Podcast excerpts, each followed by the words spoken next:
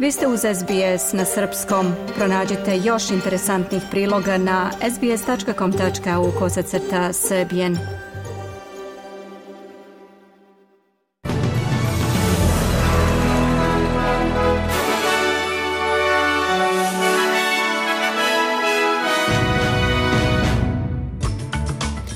Istorijski susret ministara inostranih poslova Australije i Kine u Pekingu. Kevin Rudd imenovan za australijskog ambasadora u Vašingtonu. Eksplozija šok bombe na severu Kosovske Mitrovice. Slede vesti iz Australije i Nataša Kampmark.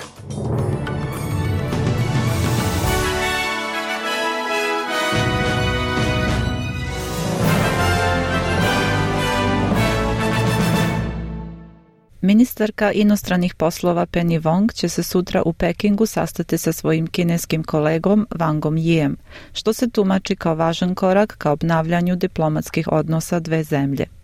Senatorka Wong biće prvi ministar inostranih poslova koji će posetiti Kinu od posete Marie Spain 2018. godine, kao i prvi australijski ministar u zvaničnoj poseti Kini od 2019. godine, kada su se odnosi naglo pogoršali. Njena poseta Pekingu obeležava i 50 godina od uspostavljanja diplomatskih odnosa između Australije i Kine. Ministarka Wong kaže da će u Pekingu pokrenuti niz tema, uključujući trgovinske sankcije i ljudska prava, a založit će se i za rešavanje slučaja dvojice pritvorenih Australijanaca. Opširnije o poseti ministarke Wong Pekingu govorit ćemo posle pregleda vesti. Ministarka Tanja Plibersek prisustvovala je konferenciji o očuvanju biodiverziteta COP15 koja je juče završena u Montrealu i na kojoj su predstavnici gotovo 200 zemalja sveta uspeli da postignu sporazum da do 2030. godine pod zaštitu bude stavljeno 30% kopna i okeana. Taj cilj nazvan je 30 do 30. Ministarka Plibersek kaže da je Australija vodila glavnu reč na pregovorima i da bi trebalo da bude ponosna uprkos tome što nije postigla sve željene rezultate. Nezavisni poslanici pozdravili su ovaj istorijski dogovor, ali naglašavaju da se obećanja moraju ispuniti. Nezavisni senator David Pocock i nezavisna poslanica Monik Ryan kažu da je dogovor početak, ali da je od vitalnog značaja da Australija ispoštuje postavljeni vremenski okvir, dok se nezavisna poslanica Sophie Scamps zalaže za zaustavljanje uništavanja prirodnih šuma. Bivši savezni premijer Australije Kevin Rudd postavljen je na mesto sledećeg australijskog ambasadora u Sjedinjenim američkim državama. Premijer Anthony Albanese i ministarka spoljnih poslova Penny Wong kažu da će mu prethodne uloge premijera, ministra spoljnih poslova, kao i akademski rad i iskustvo u Sjedinjenim američkim državama dobro poslužiti u ovoj novoj ulozi. Očekuje se da će Kevin Rad, dužnost ambasadora u Sjedinjenim američkim državama preuzeti 2023. godine. Vlada je nakon preporuke Kraljevske komisije uvela novi sistem ocenjivanja kvaliteta pružalaca usluga za brigu o starim licima. Ministarka za brigu o starim licima Anika Vels je međutim već dan nakon uvođenja sistema morala da brani njegovu tačnost i opravdanost, nakon što se nekoliko pružalaca usluga već žalilo da je sistem zastareo i da samo pričinjava glavobolje starijim australijancima u oči Božića. Ovaj sistem omogućava da se pružaoci usluga ocene od 1 do 5, gde 1 označava da je potrebno značajno poboljšanje usluge, a 5 da je usluga odlična. Ministarka Vels je rekla za ABC da ovaj sistem rangiranja omogućava ljudima da odluče gde žele da smeste bliske članove porodice. The data is absolutely not Podaci uopšte nisu netačni. To samo govori opozicija koja ne bi prepoznala transparentnost ni da pogleda kroz prozor.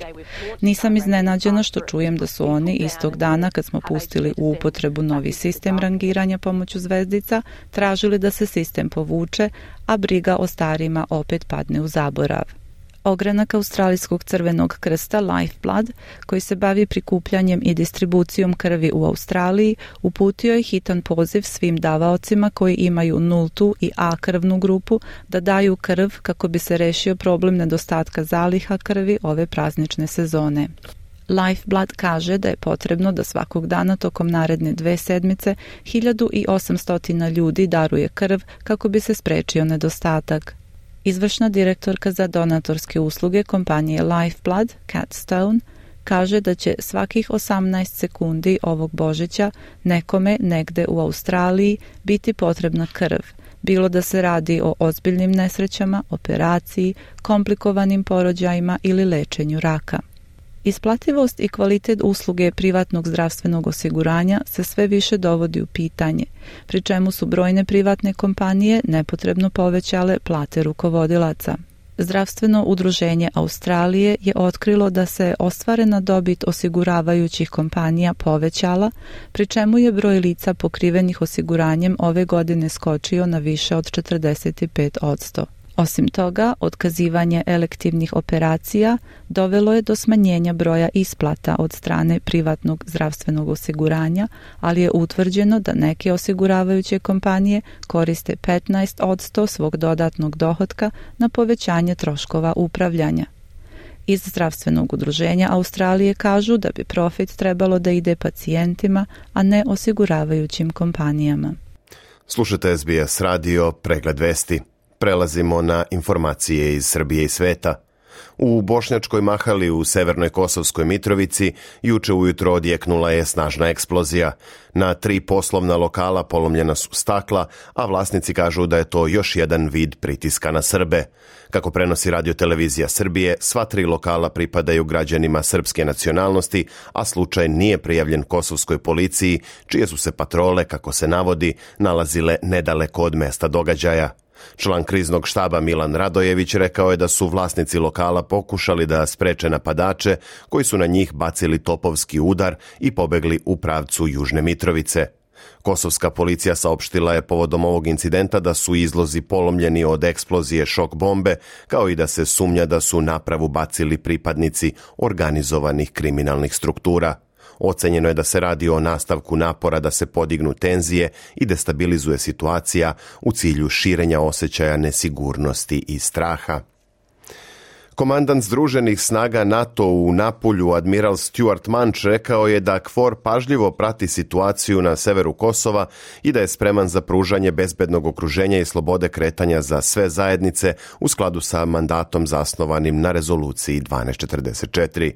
Odgovarajući na pitanje da li je trenutna bezbednostna situacija na Kosovu ugrožena, Manč je rekao da od oktobra KFOR pojačava prisustvo, između ostalog dodavanjem snaga, kao i patrolama na severu Kosova. Kosova. Očekujemo od svih aktera da budu u bliskoj koordinaciji sa kforom i da se uzdržavaju od provokativnih demonstracija sile kako bi se održavala sigurnost i bezbednost svih zajednica, rekao je Manč u intervjuu za Tanjug. Na pitanje zašto Kvor dopušta da kosovska policija naoružana automatskim puškama dolazi na sever, iako to, kako politički predstavnici Srba tvrde, nije u skladu sa sporazumom iz 2013. Manči odgovorio da Kvor nastavlja da podržava dijalog kako bi se umanjile tenzije i rešavale nesuglasice. Na pitanje da prokomentariše zahtev Srbije da se srpske snage vrate na Kosovo u skladu sa rezolucijom 1244, komandant NATO snaga je rekao da je Kvor primio primio pismo od Srbije i da se zahtev trenutno nalazi u fazi razmatranja i procene. Komanda Združenih snaga NATO-a admiral Stuart Manč sastaće se danas sa predsednikom Srbije Aleksandrom Vučićem. Premijer Kosova Albin Kurti obratio se građanima na srpskom jeziku i obavestio ih da je Kosovo pre četiri dana podnelo zahtev za članstvo u Evropskoj uniji. Poštovani građani, u okviru evropskih vrednosti i stava Evropske unije – koja smatra da sve zemlje Zapadnog Balkana treba da budu u potpunosti integrisane, želimo da idemo napred i radimo ka članstvu u Evropskoj uniji. U tom duhu i našem zajedničkom cilju, naša zemlja je prošle nedelje podnela zahtev za članstvo u Evropskoj uniji.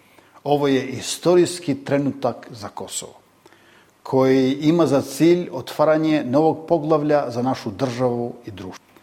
Naša zemlja odgovara na viziju Evrope koja je celovita, slobodna i u kojoj vlada mir. Tako dajemo svoje poverenje Evropi i njenoj svetlijoj i progresivnoj budućnosti.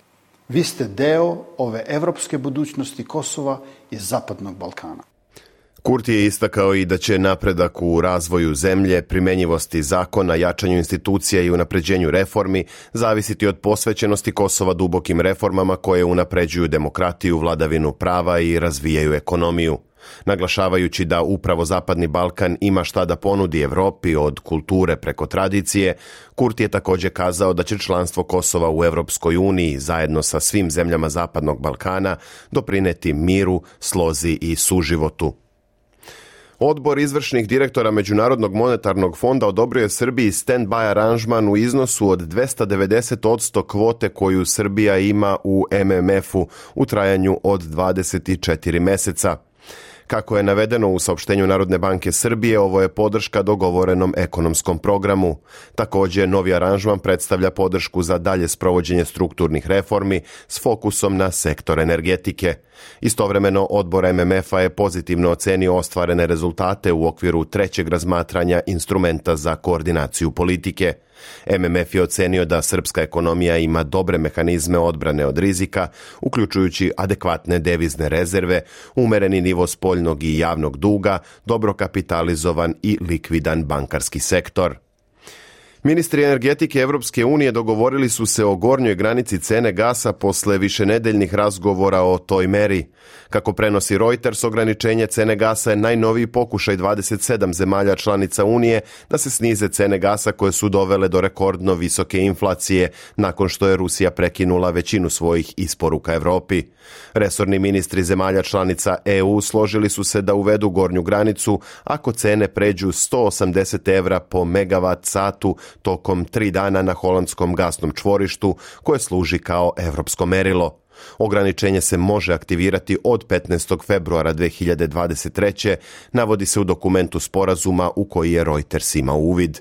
I Nemačka je glasala za podršku sporazumu, uprkos tome što je izrazila zabrinutost zbog uticaja politike na sposobnost Unije da se snabdeva gasom na globalnim tržištima po konkurentnim cenama. Premijer Holandije Mark Rutte izvinio se u ime svoje države za njenu istorijsku ulogu u ropstvu i posledice koje se, kako je ocenio, osjećaju i danas. U govoru koji je prenosio holandski javni servis, Rute je istakao da su vekovima holandska država i njeni predstavnici omogućavali i stimulisali ropstvo i profitirali od toga. Istina je da niko ne snosi nikakvu ličnu krivicu za robstvo, međutim holandska država snosi odgovornost za ogromnu patnju koja je učinjena onima koji su bili žrtve robstva i njihovim potomcima, rekao je Rute.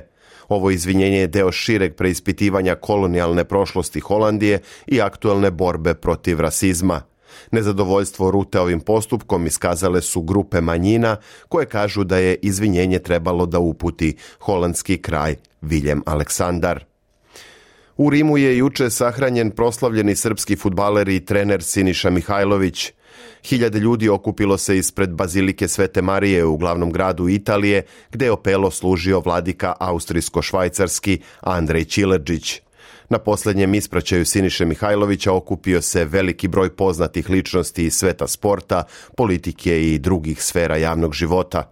Pored Sinišinih kumova Dejana Stankovića i Miroslava Tanje, opelu su prisustvovali i selektor Srbije Dragan Stojković, zatim Vladimir Jugović, Zoran Mirković, Gordan Petrić, Slaviša Jokanović, kao i čuveni italijanski futbaleri Roberto Mancini, Francesco Totti, Daniele De Rossi i mnogi drugi. Od Mihajlovića su se oprostili oprostili i kompletni timovi Lacija u kojem je proveo najduži period u karijeri, kao i Bolonje čiji je trener bio do pre tri meseca. U Bazilici su bili i gradonačelnik Rima Roberto Galtieri, ministar sporta Republike Srbije Zoran Gajić, kao i bivši predsednik Ferrarija Luka di Montecemolo. Mihajlović je sahranjen na svoju slavu Svetog Nikolu na rimskom groblju Verano u prisustvu najužeg kruga porodice. Na međunarodnom tržištu valuta australijski dolar danas vredi 67 američkih centi, 63 euro 55 britanskih penija i 74 srpska dinara i 29 para.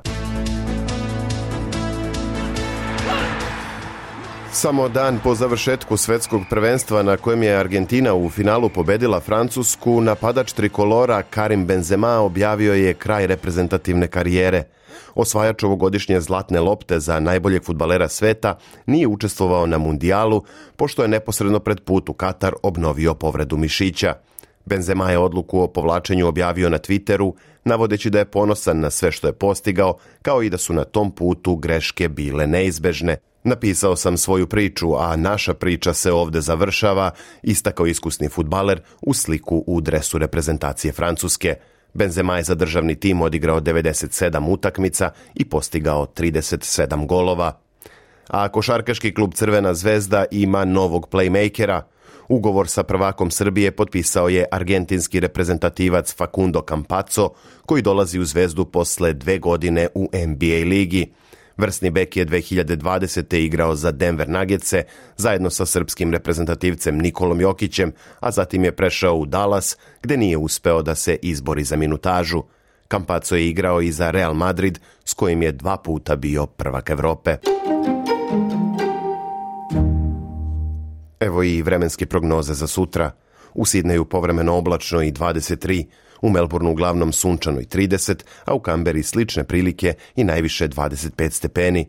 U sredu u Adelaidu moguće nevreme s grmljavinom 27, u Pertu sunčano i toplo 35, a u Brisbaneu uglavnom vedro i 27. U Hobartu povremeno oblačno i maksimalnih 22, a u Darwinu pljuskovi i moguće nevreme uz temperaturu od 33 stepena. U Srbiji danas vedro i hladno, temperatura od minus 1 do plus 6.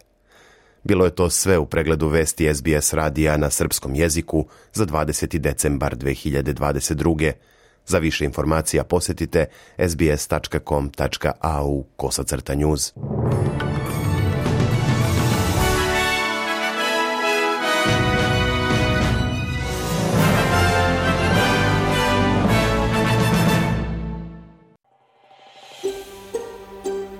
Želite da čujete još priča poput ove? Slušajte nas na Apple Podcast, Google Podcast, Spotify ili odakle god slušate podcast.